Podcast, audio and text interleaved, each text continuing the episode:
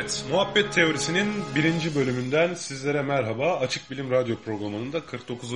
bölümü oluyor bir anlamda. Değil mi Ömer? Evet. Nerede kalmıştık? Nerede kalmıştık? Evet. Ben Tevfik Uyar. Ben Ömer Cansızoğlu. Ee, artık evden yapıyoruz bu yayını. Yani o canlı yayın kazaları olmayacak. Yani başka ondan sonra böyle arada bir e, lavaboya falan gidip gelebiliriz. böyle uzanarak yapabiliriz. Böyle güne uyanamayabiliriz falan ama bir şekilde e, dedik ki kendi kendimize yani internet varken bakkal seslenebilir. e, bakkal seslenebilir, sipariş verebiliriz. Aslında çok güzel ya. Ama neyse işte dedik ki kendi kendimize yani internet varken e, ne gerek var şimdi Rütük'le uğraşmaya, arada bir Rütük'ten özür dilemeye. Gerçi çok da sanki şey yapıyorduk da ya. Nasıl diyeyim. Tabii ayıp olmasın Rütü'ye diye düşündük. Yoksa başka türlü başka mecralardan devam ederdik. Yoksa tabii bütün bütün radyolar kapımızdaydı. Hatta daha az önce gitti. NTV'nin sahibi neydi o? Ferit Şahin mi? Evet, sahibi. Amerikalı ortaklarıyla iki tane. yani John'la Jack. onları ben dikkate almadım. Ayakkabılarını çıkarmadan girdiler. Yani Türk geleneklerine şey ben o yüzden çok, Çok kızdım onlara yani. Dedim ki siz daha eve ayakkabısız girmeniz gere- gerektiğini bilmiyorsunuz. Biz sizin arası radyo programı yapacağız falan dedik. Onları kovmaktan beter ettik yani. Çok seçiciyiz gerçekten. Gerçekten seçiciyiz yani. Nerede radyo programı? Hijyen önemli bizim için. Radyo programı yapacağımızın. Ya hijyen önemli bir de 3 milyon dolar kime yetecek yani? Yani. Sana yeter mi Ömer? Ayıp abi ayıp. Radyoculuğu düşürdükleri yere bak yani. Yere bak. Y- Yıllık 3 milyon dolarmış. Ya, Yani 3 bunu- milyon dolara kaç tane villa alabilirsin ya? 2 tane anca yani. Olacak iş değil. Kabul etmedik tabii. Onun Yani içine de yani İtalya'dan bir tane iç mimar getir. İçini yaptırmaya kalk. Ne oldu? yaptıramazsın ki bütün parayı villaya verdik yani. Para bitti. Para bitti yani. Hayır bir de radyoculuğu bu kadar Hiç düşünmüyorlar yani. ayağa mı düşüreceğiz yani? Mesleğimizin onuru bu mu? 3 milyon dolarlık bir meslek mi bu yani? Hayır tabii ki hayır. Yani. Biz de bu gidişe dur dedik. Ve o yüzden beleşe podcast yayını yapmaya karar verdik. Evet epey bir ara vermiştik. Ee, tam olarak hatta biz tam olarak ne zaman bıraktık Ömer bu işi? Hatırlıyor musun sen? Tam olarak ne zaman kovulduk?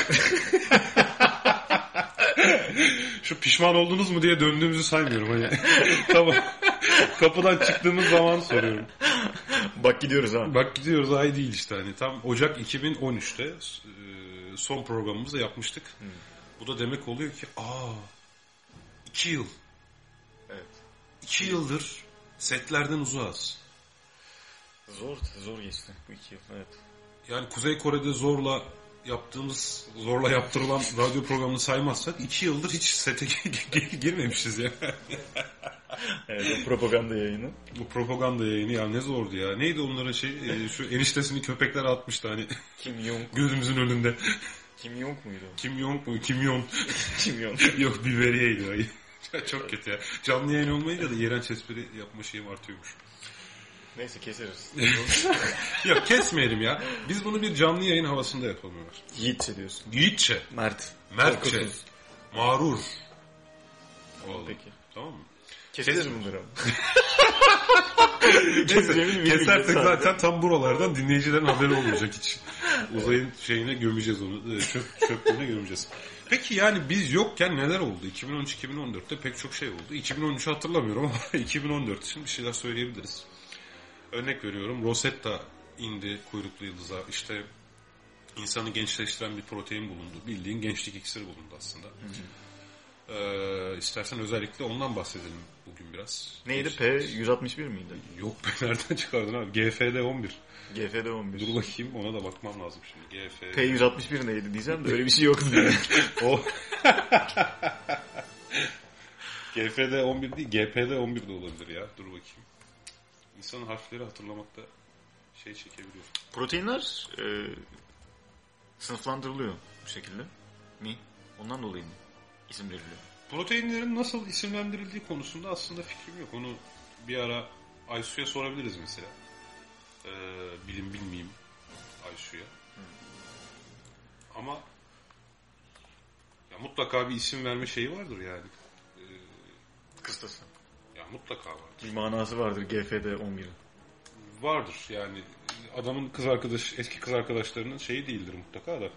İsminin baş harfleri. Yani öyle değildir herhalde. Yani. Ya da 11. kız arkadaşıdır. Ben hala bulamadım. Sen bu sırada şey yapsana. Konuşmaya devam edeyim. Ama fena fikir değil ya. Bir de bir tane adamın mı kız arkadaşı olacak ya? Proteinleri aynı adam mı buluyor? Böyle bir sorun var. ben o soruyu anlamadım bile tamamen Google'a bakmakla meşgul olduğum için. Yok proteinlerin isimlerini Ben bunu açmıştım. Niye kapanmış ya? e, şey yapmaktan e, sınıflandırmaktan bahsediyordum da. Hı hı. Hani bir tane adamın kız arkadaşının isimlerinin baş harfi olması. Alo gibi. Şu ünlü efsane vardı ya. Evet, ünlü efsane ama değil mi? Hani Efsane. onun efsane olduğunu özellikle vurguluyorum da. E, şey- GDF 11'miş abi. Ben F ile D'yi yani Fatma ile Deniz'i karıştırmış yer değiştirmişim. Ha. Deniz Fatma'dan önceymiş. GDF 11 evet böyle bir protein var. Bu arada. Senin esprini böldüm mü? Esprini balla böldüm. Yok yani geçmişte. Çok o kadar önemli değildi. Tekrar yaparım yani. Yaparım? çok, çok çok kalender bir insansın Ömer yani. yani mütevazi. Şimdi şöyle söyleyeyim. Burada olay ne biliyor musun? Burada acaba iki fareyi birbirine dikersek ne olur? Deneyen bilim insanları. Ee, daha sonra bu iki fareyi birbirine diktiklerinde yaşlı olan farenin kalbinin gençleştiğini, eski hale geldiğini görmüşler. Hücrelerin yenilen daha hızlı yenilendiğini yani gençleşinlerden anlıyoruz. Hücreleri evet yani hücreleri yenileniyor ayrı mesele. Üstelik daha da gençleşiyor. Şu var yaşlandıkça kalp büyür mesela atıyorum bu bir etken. Kalbi küçülüyor bildiğin. Onarılıyor yani. Zaman makinesinde böyle sanki geriye konmuş gibi. Çok bilim kurgulaştırmayayım da hani anlatabilmek için söylüyorum. Böyle oluyor. Ondan sonra bilim insanları bir süre sonra buna neyin neden olabileceğini çok ciddi titiz testler sonucunda, kontrollü deneyler sonucunda bakıyorlar ve bunun GDF-11 yani karaciğerimizde sentezlenen büyük ölçüde ama neredeyse vücudumuzda kemik ilikleri falan filan pek çok organın ürettiği bir protein bu. Ama daha çok karaciğer, karaciğerin ürettiği bir protein. Bu proteinin e, bu gençleştirmede sorumlu olan protein olduğu anlaşılıyor. Bu kadar. Bu önemli bir şey zaten değil mi? Ya bu önemli bir şey çünkü e, yakında mesela şey yapılabilir. GDF-11 yoluyla insanlar biraz daha gençleştirilebilir. Yani gençleştirmek derken kırışıkların giderilmesi değil. Çünkü GDF-11'in fonksiyonlarının e, Kozmetik kaslarda ekmek yer buradan ama. kozmetik ekmek yer bir şekilde Büyük de. ekmek yer. Ya büyük ekmek yer ya. GDF-11'li krem falan filan çıkarırsın. Hakikatte deriden işleyince bir işe yaramıyor olsa bile bir süre bunu satarsın yani herhalde. Çünkü biliyorsun taktikleri bu yani. Hiç, hiç patlanmamış 359 şeyler. liraya. Mesela 359 lira ucuz olur ya. 785 liraya. Biz az önce Ferit Şahin'e niye bunu teklif etmedik? Neyse. Krem işine girelim. Krem işine girelim diye. Adam et işine de girdi sonuçta Nusret falan diye. Reklam gibi oldu. Vallahi para almıyoruz ha. Neyse. Şimdi GDF 11 mesela şu an e, daha sonra bu acaba vücuda yapay olarak verilirse aynı etkiyi de yaratıyor mu diye bakıyorlar. O da oluyor bu arada. Yani hakikaten şırınga yoluyla sana GDF 11 zerk etmem halinde. Neyin içinde bulunuyor bu GDF-11? Onları yiyelim. Yok. Şimdi mideden geçmesi başka bir şey. Yani Yok ya kadın geçiyor. programlarında bayağı konu E, tamam bunu Konu da bir kenara bir koy şey. bak. Bunlar da iyi fikir. Bundan iyi para kazanırız da. Şu an hani Buraları da konuyu, keselim. konuyu anlatmayı amaçlıyor olduğumuzu düşünürsek evvela. buraları da keselim. ya şunu bir söyleyemedim bak. GDF-11 kalbe, tamam mı? Beyine ve kaslara gençleştirme etkisi yapıyor. Yani Zaten geriye neyimiz kaldı ki? ayak parmaklarını falan. yani önemli olan cilt bence. Yani bu işler ekmek yemek istiyorsan cilt bence daha önemli. Yani insanların yaşlanmaya dair kaygıları. Ama zaten hücrelerin e, daha hızlı yenilenmesini sağlaması demek ci- cildinde daha hızlı yenilenmesi. Ama hepsinin daha hızlı yenileneceğinden bahsetmedim bak yani sonuçta. Bilim insanları orada denemişler senin gibi mantık yürütmek yerine. yani hücreler yenileniyorsa o zaman her şey iyi gelir dememişler. Bakmışlar e, kas sistemine, Arista yapmamışlar. e, beyin ve merkezi sinir sistemine ve şeye etkisi yani olumlu etkisi olduğunu görmüş. Ne bileyim belki buradan ALS tedavisi çıkar. Hani biliyorsun ALS nöronların dejenerasyonu ya bak şu an tamamen sallıyorum ama. Yani belki hani bazı hastalıkların tedavisi E, ben de salladım beni. çıkabilir. Sen sallıyorsun bir şey yok. Ama ben ben- sallıyorum. Aa, Ama ben sa- salladığımı samimi bir şekilde kendim farkındayım yani. Ha. Anladın mı? Bunu itiraf ediyorum yani. Aramızdaki fark da bu. Mesela sen geçen ay borsada vurgun yapınca itiraf etmedin yani. Ben de borç para alacak adam arıyordum sağda solda dermişim. O vurgun bir şey değil ya. 3 milyon Ufak ya. dolar. 3 milyon lira. Al. Herkes 3 milyon dolar vurunca ne, senin de formatın ne? Al formatın. Ya o Hasan Şaş'ın e, Galatasaray futbolcu, eski futbolcu Hasan Şaş'ın e, Hacı ile ya daha sonra e, televizyona verdiği bir röportajdan alıntı. İşte Hacı uzaktan e, iyi e, şut çekerdi ve hani çok golü vardı hepimiz hatırlarız. Hasan Şaş bunu daha sonradan hani birkaç kere uzaktan şut denemesinde tribünlerden gelen ao sesinden alınarak e, bir röportajda Hacı 100 kere vuruyor bir şey yok ben bir kere vuruyorum ao ne ao Au. tribünler yani maç esnasında hoşa gitmeyen bir şey olduğunda tribünlerde au diye bir ses gelir ya. Evet. Hani toplu halde. Bu arada yani konuya geri dönme baskısı yapıyorum bakışlarımla. Evet. Ee, Aysun'un çalıştığı laboratuvar şu an. Tekme atma ama. Tamam geriye dönüyoruz tekme atma. Tamam tamam, tekme atmayacağım. Fiziksel darbe yok. Darbe yok. Ee, Aysun'un çalıştığı laboratuvar şu an e, GDF-11 sentezini sağlayacak bir virüs üretip bunu karaciğere yollamayı düşünüyor. Böylece bu virüs karaciğere yerleşip çok hızlı ve maliyetsiz bir biçimde vücuttaki GDF-11 üretimini arttıracak bir çözüm üzerinde çalışıyorlar şu an. İnsanlar ne güzel işlerle uğraşıyor. Evet gerçekten. Hakikaten ya. Sen ne yapıyorsun bankada? ben ne yapıyorum şirkette? Hep masa başı işler yani. Evet doğru. Yani. GDF 11 ile Virüs geliştiriyorsun falan. Peki, oradaki iş ortamı nasıl olsa bizdeki gibi midir yani? Ahmet abi virüs ne oldu ya falan mı yani hani Virüs olmadı. nasıl bir şeydir? Yani Abi bu virüsü kaç kez buraya koymayın diyorum size ya. Gene koymuşlar gene koymuşlar falan tarzı muhabbetler duymuyor mudur yani? CERN arıyordur falan. İnsanın olduğu yerde. CERN'de falan. CERN arıyordur. Yok CERN orayı arıyordur. Ne diye? Virüs ne oldu? CERN ne yapsın virüsü ya? işte ama değil mi? Olur yani. şeyler. Olur yani. Oxford'dan profesör arıyordur. Geçelim mi bu konuya? Yeteri kadar tatmin ettin mi sen? Yok, e, Datminkar oldu ama şöyle bir şey yani bunun sonu nedir? Bu GDF 11'in hani varacağı nokta falan Nereye bunlardan kadar bu- değil mi? Niye nereye kadar? Niye uğraşıyoruz? Gibi? Lan ayrı hani bu gerçekten hani Ya dediğim gibi bazı araştırma yok mu bu sonuyla ilgili? şimdi yaşlanmaya bağlı gelişen bazı mesela anomaliler, Reklam hastalıklar oluyor. varsa Yaşlanmaya bağlı etkilerin azaltılması. Tamam, tam böyle rek- krem reklamı yapacağım gibi oldu da. Mesela hakikaten buna bağlı hastalıklar varsa bunların tedavisinde kullanılabilir. Bir. İkincisi Önleyici tedavi mi yoksa tamamen geçiren tedavi mi? şimdi Bence. önleyici de olabilir. Mesela hani kalp krizini belki tarihe gömeriz. Şu an çok spekülatif konuşuyorum. Yani kalbin yaşlanmasından kaynaklanan kalp hastalıklarını belki tarihe gömeriz yani. Belki tansiyonu tarihe gömeriz yaşlanmaya bağlı. Yani düşünsene. Çünkü bizim vücudumuz da GDF-11 üretiyor zaten. Sadece yaşımız ilerledikçe bunu üretme miktarımız azalıyor. Eğer bu azalmasaydı belki de kalbimiz hiç yaşlanmayacaktı. Ama dediğim gibi spekülatif konuşuyorum. Yani sadece okuduklarından yola çıkarak yorum yapıyorum. Tam olarak bu konular üzerine çalışan kişilerin de görüşünü almak lazım. Yani. Bizim komşu, İlerleyen bizim yan komşu biraz çalışıyordu bunun üzerine. Hazır evdeyken madem bu imkanı kullan. Radyoya getiremiyorduk kendisini. ya komşu GD gençleşme üzerine. Genç. Ama daha önce duymuştum ben hani böyle e, zengin insanların e, yurt dışında kliniklerde ya çok etik etik problemi var tabii bu konunun da e, genç e, kanlarını kendi vücutlarına enjekte ettirdikleriyle ilgili şeylerim vardı. Hadi ya. Daha önceden duymuştum. O zaman Kanıtlanmamış. bu bir sefer bir sefer enjekte etmeyle olabilecek bir şey değil. Hatta sen demiştin yani ta bu Orta Çağ Avrupa'sında denenen Tabii tabii eskiden de gençlerin kanını içerek genç kalınacağına inanıyorlarmış ama hani GDF'nin mideden vücuda geçtiğiyle ilgili bulgu yok anladığım kadarıyla olmuyordur yani. Proteini direkt mideden alamayız zaten. Bir kere her protein mutlaka sindirimde parçalanır ve amino asitler olarak vücuda alırız. Dolayısıyla hani mide yoluyla şey almak söz konusu değil. Protein almak yani. Şey, e, yeme yoluyla ince bağırsaklardan vesaire. Peki bu GDF e, 11 diğer hayvanlarda da var mı aynı şekilde acaba? Var zaten deney farelerde yapılıyor. Daha insanlarda. İki insanı birbirine dikmemişler. yani Allah'tan.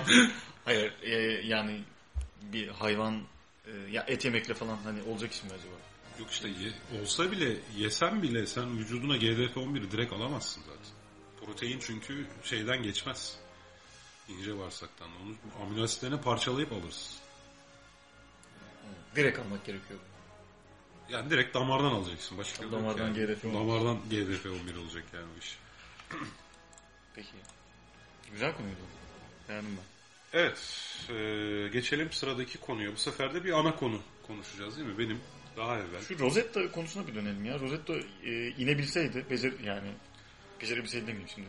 Şimdi aslında beceremedi. Yani şu var. Sonuçta hedefe ulaşamayan şeyi beceremedi deriz. Buna beceremedi demekte bir şey yok. Ama bu tabii aşağılayıcı bir ifade değil. Adamlar zaten yıllardır kuyruklu yıldızın yörüngesini hesaplayıp takip edip aracı buradan gönderip üzerine kondular bir şekilde ama şimdi kuyruklu yıldızda yer çekimi düşük olduğu için üzerine bir şey kondurmak o kadar kolay değil. Dolayısıyla sekti zaten.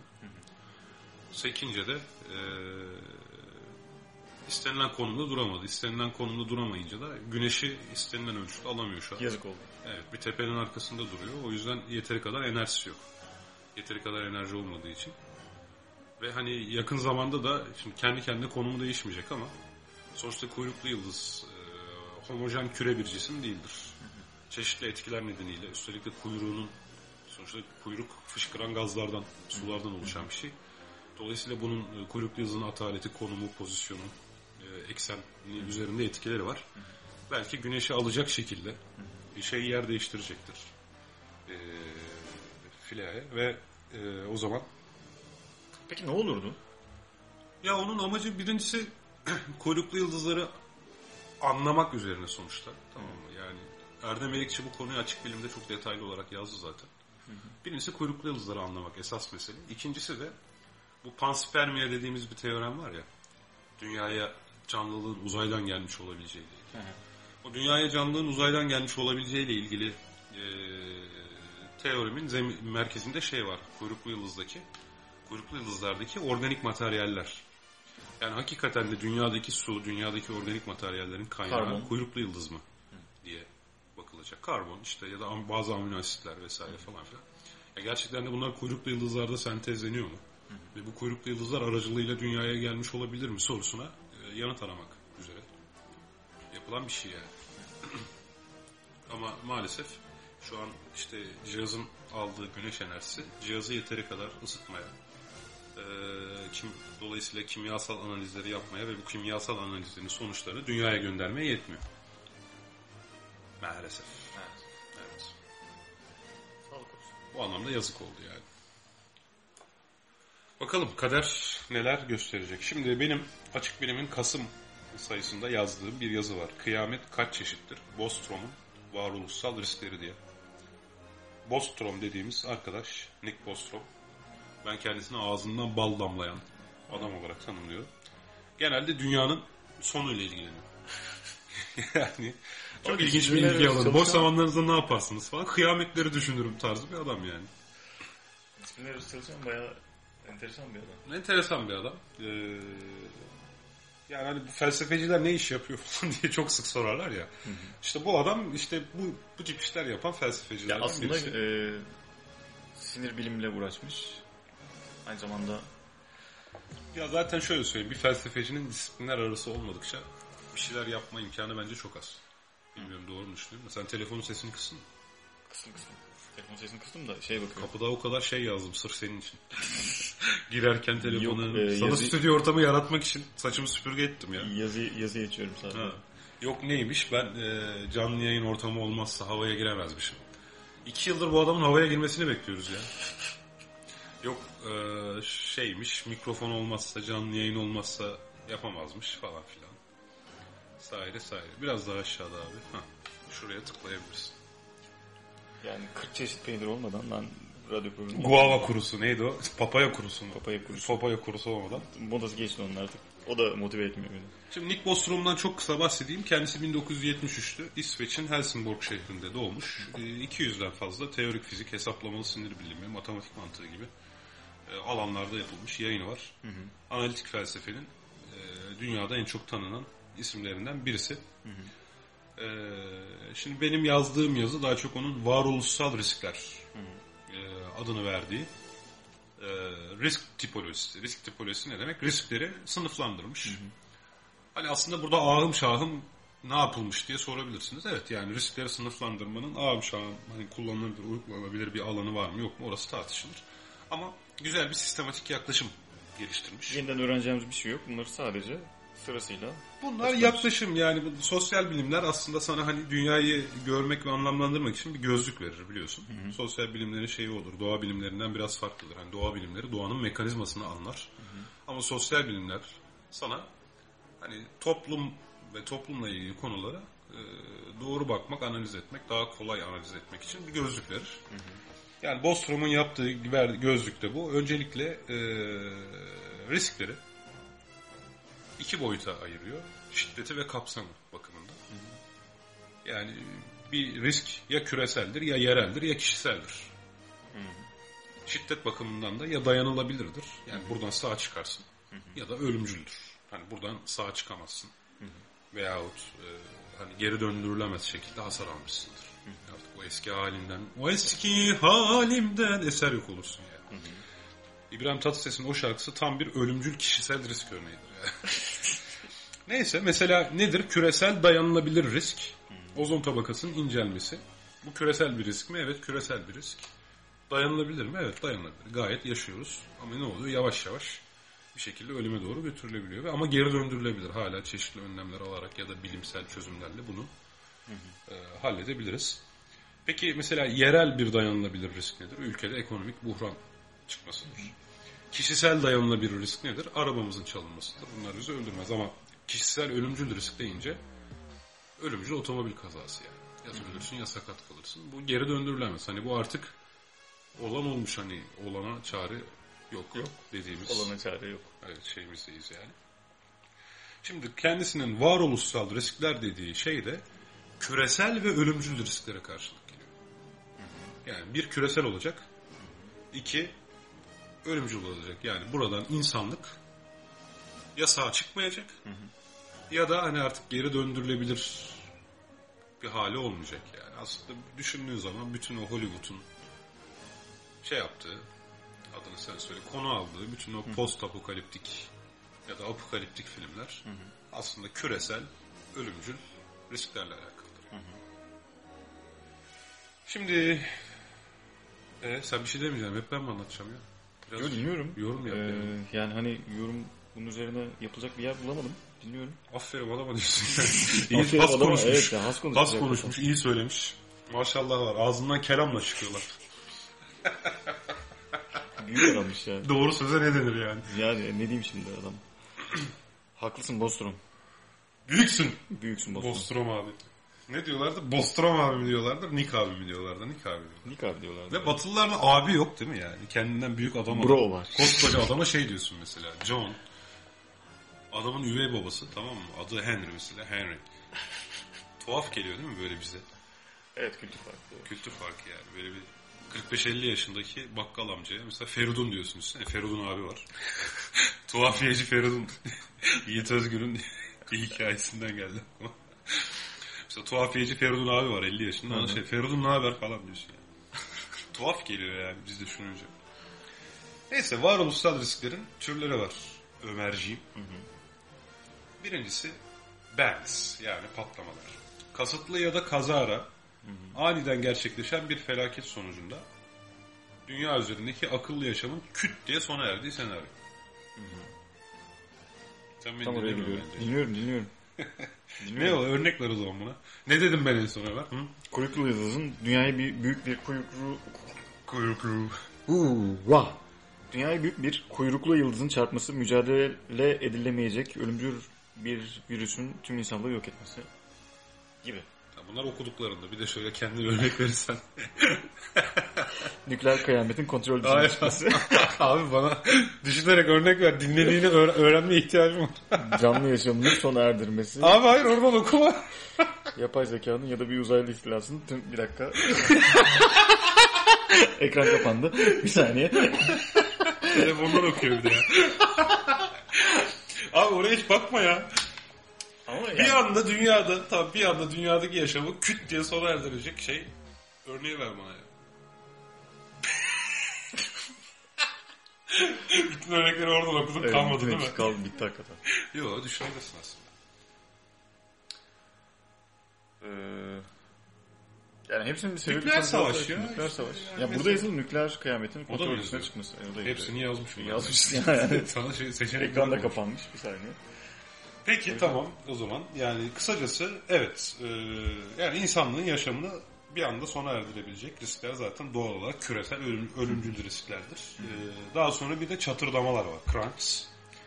İnsanlığın gelecekte gelişmiş ve sağlıklı bir medeniyet kurma imkanını tamamen ortadan kaldıran, insanlığın hala yaşadığı ama farklı bir formda hayatını sürdürdüğü filmler. Mesela 12 Monkeys izlemiş mi insanlar? 12 maymun, evet. 12 maymun tamam. İnsanlık hala yaşıyor ama yani ona da yaşam mı denir? Yani bu da bu da yaşam mı? Yani ne la, ne Layla var, ne Reyna var, ne başka neresi var İstanbul'da? Zaten bunların kesin ikisinden biri kapanmıştır. Benim haberim yoktur. Yo duruyor sanırım. Diğer Hem türlü Layla hem Reyna duruyor mu? duruyor. Neyse işte ne Layla var, ne Reyna var, ne Helga var, ne Olga var. ne 360 var. Monkeys ne Bedroom var. Ne? Dizi yaptılar. Beşinci bölümüydü yayınlandı en son ben izledim. Hmm. Ee, neyse mesela işte onun gibi insanlığın hayatta kaldı ama artık yani yaşamını bizim bugün bildiğimiz anlamdaki medeniyetten, sağlıklı bir medeniyetten uzak sürdürdüğü felaketlere deniyor. Buna örnek görebilir misin? Bakma. Bakma. Ee, Yok, buna örnek vermek çok zor aslında. Evet yani işte Twelve Monkeys oydu. Aslında şu var. Az önce saydığımız her şey eğer bir şekilde insanlar hayatta kalır, iyi kötü hayatta kalmalarını devam ettirecek bir medeniyet kurabilirlerse bu zaten çatırdamalar oluyor. Ama özellikle ayrıca söyleyecek olursak yine çok büyük bir dünya savaşı, nükleer olmasa bile.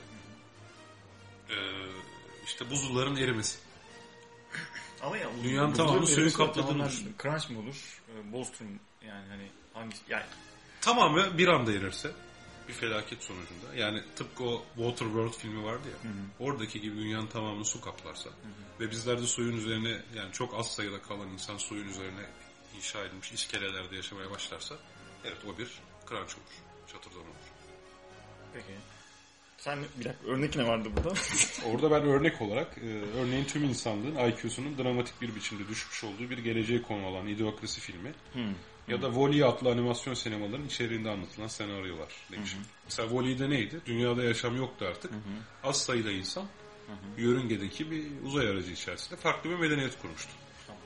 Onun gibi yani. Üçüncüsü çığlıklar. Shrieks. İnsanlığın çok küçük bir kesiminin gelişmiş ve sağlıklı bir medeniyete eriştiği. Ancak bunun da arzulanan ve istenen oranın aşırı gerisinde olduğu sonucunu yaratan senaryolar. Yani pek çok distopyanın konu edindiği küresel totaliteryenizmin mesela. Hani yaratacağı sonuç nedir? Çok küçük bir kesim iyi yaşayacak. Kalan insanlar rezalet bir biçimde yaşayacak. İşte açlık oyunları. Popüler örnek. Fahrenheit 451, 1984 bir anlamda bu içeriğe karşılık geliyor. Veya şimdi dünyayı uzaylıların ele geçirdiğini düşün. Çok küçük bir kesimin uzaylılarla işbirliğini yaptığını düşün. Bu da tam olarak bu Falling Skies'ta O kıyamet olmuyor. Benzer yani şey kıyametin tanımı nedir ki o zaman? Orada. işte bu ölüm- Uzaylı yaşıyor işte. Ya kıyamet değil, ölümcül küresel risk işte. Sana risk bana risk yani. Nasıl yani? Uzaylıya değil. Ha, uzaylı Küre uzaylının ne olacak? E canım insanlar için riskten bahsediyoruz. Yani kriptonlar için değil yani bize ne yani. Veya bakterilerden bahsetmiyoruz hep medeniyetten bahsediyoruz yani. yani tamam canım uzaylı. Ya Olur uzaylı yani. da olsa İnsan insandır. yani. İnsan insan demeyeyim diyecektim de tamamladım. Sonra bir de sızlanmalar var. Gelişmiş ve sağlıklı bir medeniyetin ayağa kalkabildiği ancak onun da yavaş yavaş ve geri döndürülemez biçimde değer verdiğimiz her şeyi yitirdiği falan filan demiş. Yani aslında bu noktadan sonra sanki Nick Bostrom biraz zorlamaya başlıyor gibi geliyor bana.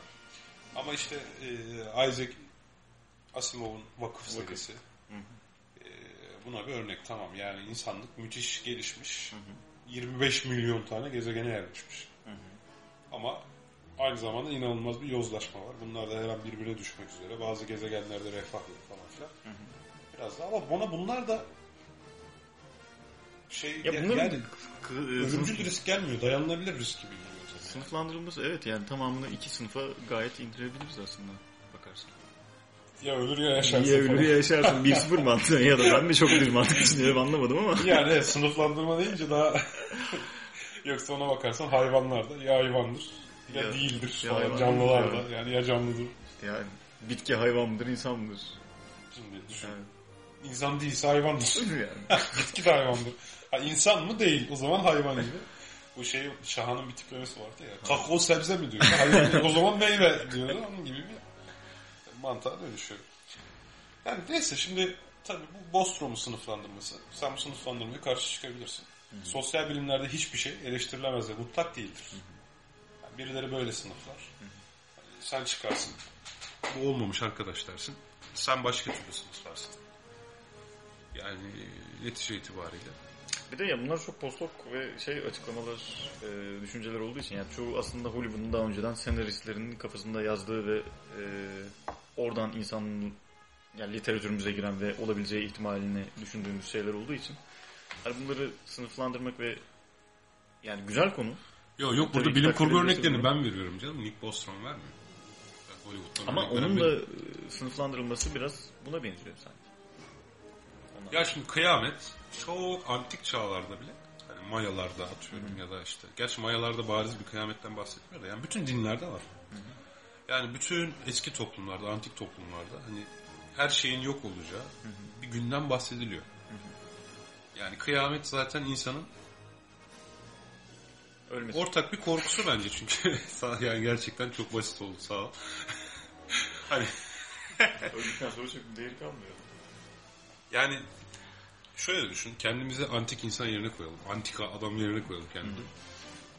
Çevrede zaten şimdi bugünkü gibi değil. Sel felaketleri, kar felaketleri. Hani bugün biz sıcak evlerimizde oturuyoruz. Doğayla bugün mücadele edebiliyoruz. Doğayı kontrol altına alabiliyoruz. Marx'ın deyimiyle biz doğayı dönüştürebiliyoruz.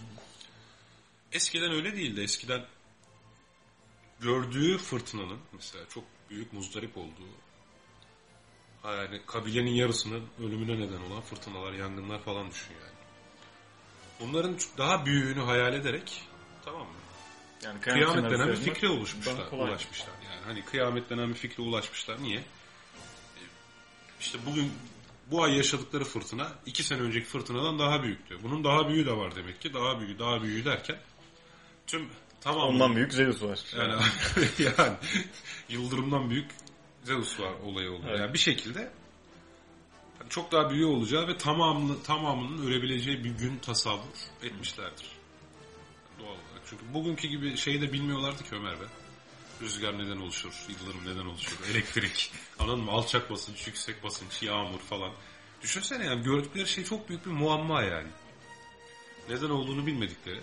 Çoğu zaman Tanrı'nın kendilerine olan kızgınlıklarına olarak yorumladıkları şeyler yani bunlar. Ya Bugün sen biliyorsun bulut nedir, yıldırım nedir, yağmur nedir, rüzgar nedir yani. Doğru yani yazının sonundaki mes- e, konu güzeldi aslında. Yani her şeyin pamuk ipliğine bağlı olması.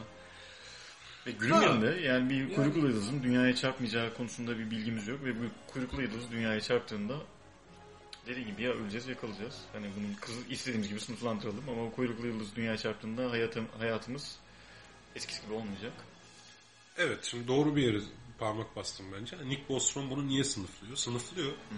Çünkü bakın böyle böyle olabilir ve bizim bu sınıfladıklarımız, benim bu sınıfladığım senaryolara karşı önleyici çözümler üretmemiz gerekiyor. Mesela bir nükleer kıyamet için önleyici çözüm var değil mi dünyada? Nükleer En azından bazı ve- ülkeler hariç. Bazı ülkeler Azaltma. imtiyazlı maalesef. Ama işte azaltmak üzere anlaşmalar imzalanıyor. Uranyum sıkı sıkıya takip ediliyor. İşte birileri nükleer santral gelişti yapmak isterse çok sıkı denetimden geçiyor ki aynı zamanda orada zenginleştirilmiş uranyum üreterek nükleer silah yapamasın diye. Ha bunlar ne kadar samimi ayrı mesele çünkü bazı ülkeler bu kapsamda değiller. Ellerinde nükleer silah var. Falan filan mesela ama bir şekilde yani bu bir önleyici bir önlemdir yani. Veyahut Bazıları yapmak üzere. ha Bazılarının yapması diğerlerinin yapmasına sebep olacak. falandır filandır. Hani ya da en azından kontrolsüz gruplar gene de ülkeler birbirlerine yani restleşirken belli bir sorumlulukla hareket ederler ama bir terör örgütü böyle bir sorumlulukla hareket etmiyor biliyorsun. Hani bu önleyici önleyici çözümler var. Yine hani diğer olası kıyamet senaryoları içinde önlem alabiliriz. Belki tüm kuyruklu yıldızların rotasını hesaplamak üzere çok pahalı bir çalışma başlatılabilir sallıyorum. Veyahut belki biyo laboratuvarlarla ilgili de benzer çözümler geliştirebilir. Mesela Dünya Sağlık Örgütü çok hızlı bir şekilde karantinaya alma ve çok hızlı şekilde aşı geliştirmeye yönelik acil durum senaryoları üzerinde çalışıyor. Var yani. Bir film izlemiştik hatırlıyor musun? Evet. Salgın diye. Yani o biraz gerçekleri En yansıtıyor. son yenilerde aslında bayağı işledi şu. Ee, en son şu salgını olan Neydi? neydi şu salgın? Aa, Afrika'daki.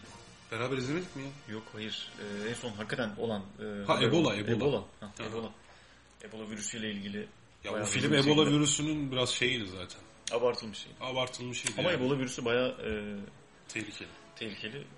Yani katastrofik bir vakit yaratabilecek bir virüs aslında. Çünkü Bir daha söylesene şu. katastrofik. Ah, bir daha söyle. Katastrofik. Çok, çok entelektüel gözüktün ya. Evet. Bir Fransız gibi söyle şimdi. Katastrofik. Katastrofik. Katastrofik. Vallahi çok Fransız olduk ya. Çünkü e, Ebola virüsü havadan da bulaşabilen bir virüs olması dolayısıyla Evet. Yani temasla bulaşıyor aslında ama havadan bulaşabildiği ile ilgili birkaç bulgu var. Yani birbirinden ayrı tutulan domuzlar ve farelerin birbirine bulaştırdığına yönelik birkaç tespit var yani. o Zaten Ebola havadan bulaşsaydı şu ana kadar ya bulaşma e, ihtimali kontrolü belki, çok zor olurdu yani. Evet kontrolü çok yani bulaşabileceği bir hale gelebilir. Bulaşabilecek başka bir virüs çıkabilir. kesinlikle virüsler mutasyona uğruyorlar zaten. Hani o yüzden arada bir hiç bilmediğimiz çok hastalıklar uzak olmayan bir zamanda yani havadan sadece soluma yoluyla e, bulaşabilir. Aynen. Bağışıklık sistemimizin halledebileceği bir konu da değil Ebola. Sağ olsun seviyoruz bağışıklık sistemimiz bayağı önemli vücudumuz için tabii ama Ebola bayağı büyük bir delikanlı bir abimiz. yani Ebola'ya karşı yiğitlik olmaz diyorsun. Yani yani. Ebola'ya el, el kalkmaz. Evet. Tabii bu arada yani zaten şunu düşünürsek hakikaten evrenin yaşı 13 milyar. Tamam mı? Yaşayacağımız kadar yaşayacağız. Yani bu evrenin yaşı abi dur insanlığın değil yani. Zaten sen ben 30 yaşında insanlarız. Ee, yani insanlık evren tarihinin çok küçük bir noktasında ya. Tabii Carl Sagan'ın ilk kozmosunda son bir saniye mi? Eğer yani evrenin tüm hayatını Bir, bir 365 yıla gün olarak 365 alırsak, gün olarak tasavvur etseydik yani insanlık son birkaç saniyede ortaya çıkmış bir tür. Yani son derece önemsiziz. Belki tarihte başka yerlerde, başka gezegenlerde, başka galaksilerde zaten böyle çeşitli uygarlıklar ortaya çıkıp yok olmuş bile olabilir. Bunlar spekülatif şeyler ama olası şeyler. Yani biz de şimdi var olduk ama hani nasıl aslında çok olası olmasına rağmen yarın öleceğimizi pek düşünmeden yaşarız bu hayatı. Dolayısıyla insanlık da hep var olacakmış gibi hareket ediyoruz. Nazım der ki ne acayip gücümüzdür yaşamak öleceğimizi bilip de öleceğimiz mutlak diye bir dizisi vardır. Aynen. Ya. İşte Ömer seni bu yüzden seviyorum. ya. Yani gerçekten güzel denk geldi.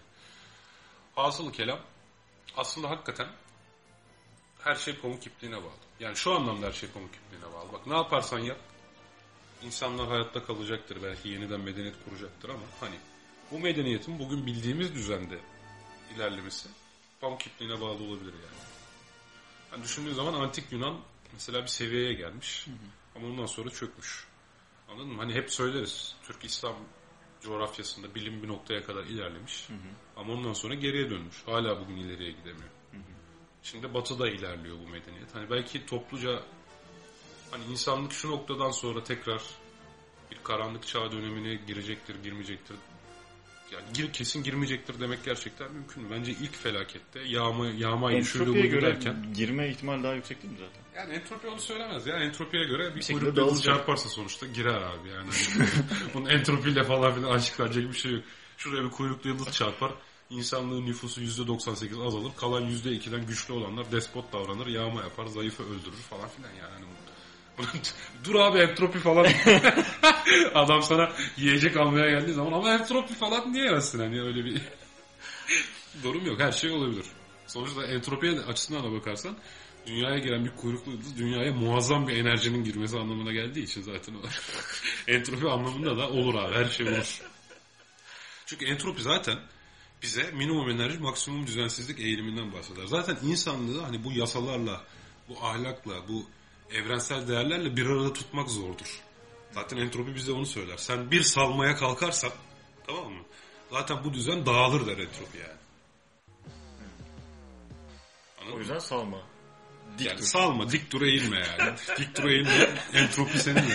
Ha, öyle ama zaten hani entropi mantığına bakarsak şey gibi bir şey. Senle benim kavga etmem.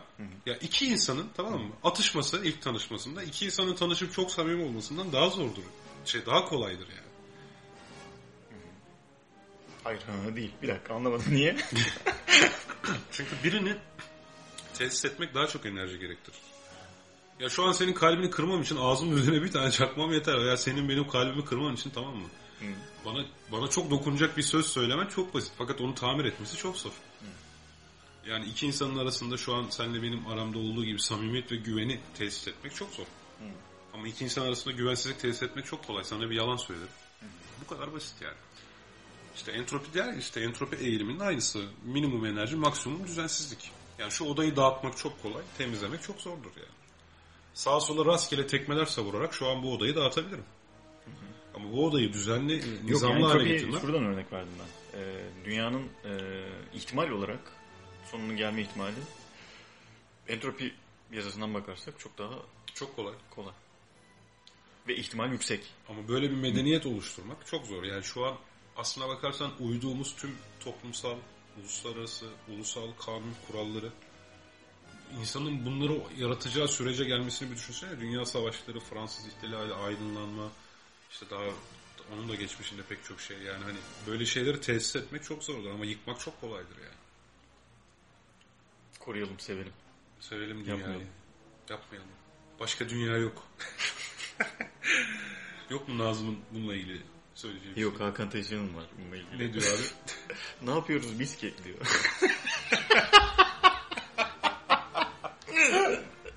Bizler yaşamaya geldik dünyaya. Yaşamak için dünyadayız. Ne yapıyoruz biz ki? Diyor Hakan Taşıyan. Peki o zaman şimdi Şaban'dan gelsin. Röntgen insanın içini gösteren bir alettir. Bir de röntgencilik vardır tabi. E, röntgen, e, bol miktarda röntgenci vardır. Evet Ömer. Uzun bir aradan sonra yaptığımız programın sonuna geldik. Şaka maka yaptık, başardık, olduk, güzel oldu.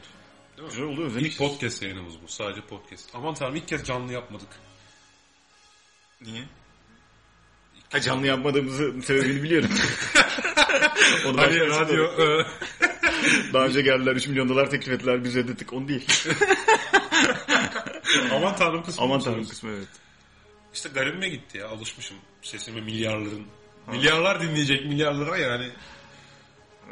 O yüzden şu an beni sadece sen duyuyorsun mesela ve şu an bu konuştuklarımızı eğer Hasan var koyamadan ya. bir duyuyoruz. selamlarımızı iletelim buradan gerçekten. Dinler mi? Bulur mu bizi bir yerden bilmiyorum Şekilli ama. Şekilli ricası. Bulur belki canım. Yani en azından Facebook sayfamızı beğendiği için görür diye düşünüyorum.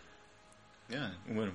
Hasan'a buradan selam olsun. Tüm açık bilim dinleyenlerine selam olsun. Herkes ana, baba, bacı. Vay artık böyle şarkı falan da söyleyebilirim ya. Artık bir plakçı beni eskaza keşfeder, albüm tek, teklif eder falan korkum yok. Niye böyle bir korkum vardı ki? Her şeyi sorgular hale gelmişsin ya? Geyiği geyik kabul eden Ömer nerede? tamam geyik zaten. Niye korkuyorsun? Yani niye korkuyorsun? Keşfetsin zaten. Bırak adamı yürü Yok yani. be niye ya? Niye? Albüm mü yapacağım bu yaştan sonra? Niye? Nesi var Yesin'in? Ya öyle abi her şeyi sorgulama. Her şeyi sorgulayınca bu sefer kendimi hep mantıklı konuşmak zorunda hissedeceğim. O zaman da o eski halimden eser yok şimdi olacak Ya yani. Elvis Presley de bayağı geç yaşında ünlü olmuş. Yani tabii şimdi Elvis Presley ile mukayese edilecek bir yok da. Ama bakarsan pastör de kuduz aşısını 60 yaşında bulmuştu yani. Tabii Edison kaç yaşında buldu ampulü? Genç buluyor. Genç değil Edison mi? genç değildi yani. Hadi ya. Bayağı uğraştı adam ya. Öyle böyle değil. Ama onun biraz şeyle alakası var. ya. Yani hani tek- teknolojik ilerlemeyle ilgili. Ya Elvis Presley gibi değil yani. yani Elvis Sıra Presley nasıl güzel şarkı söylerim 53 yaşında keşfetti değil yani. Adamı geç yaşta keşfettiler yani. 53. Brad Pitt de mesela çok geç ünlü oldu. yani derdin ne? Amacın ne yani? Bir amacım yok ya. Hani, inşallah. Sen yani kendin için niye kurmuyorsun bu hayatı? Olur canım inşallah olur Niye ya. bir İvan Sergen yemiş top halindesin yani? Sesim iyi değil. Kesmeden. ke- Ya bu sesle beni kesmeden özellikle çıkarsa. Satarlaştı yani normalde böyle değil. Plakçı arkadaşlara buradan uyarım kahve iç ya. Evet sevgili dinleyenler. Açık Bilim Radyo programının 49. Muhabbet Teorisi'nin ilk bölümünden, bundan sonra sadece tekini söyleriz herhalde. Muhabbet bölüm, Teorisi'nin ilk bölümünün sonundan sizlere merhaba olmaz. Niye böyle bir cümle kurdum? Veda ediyoruz. Ee, ben Tevfik Uyar. Ben Ömer Cansızoğlu. Ee, haftaya Ömer'i tekrar ikna edebilirsem haftaya e, yeni bir bölümde sizlerle buluşmak dileğiyle. Şimdilik Hoşçakalın. esen kalın.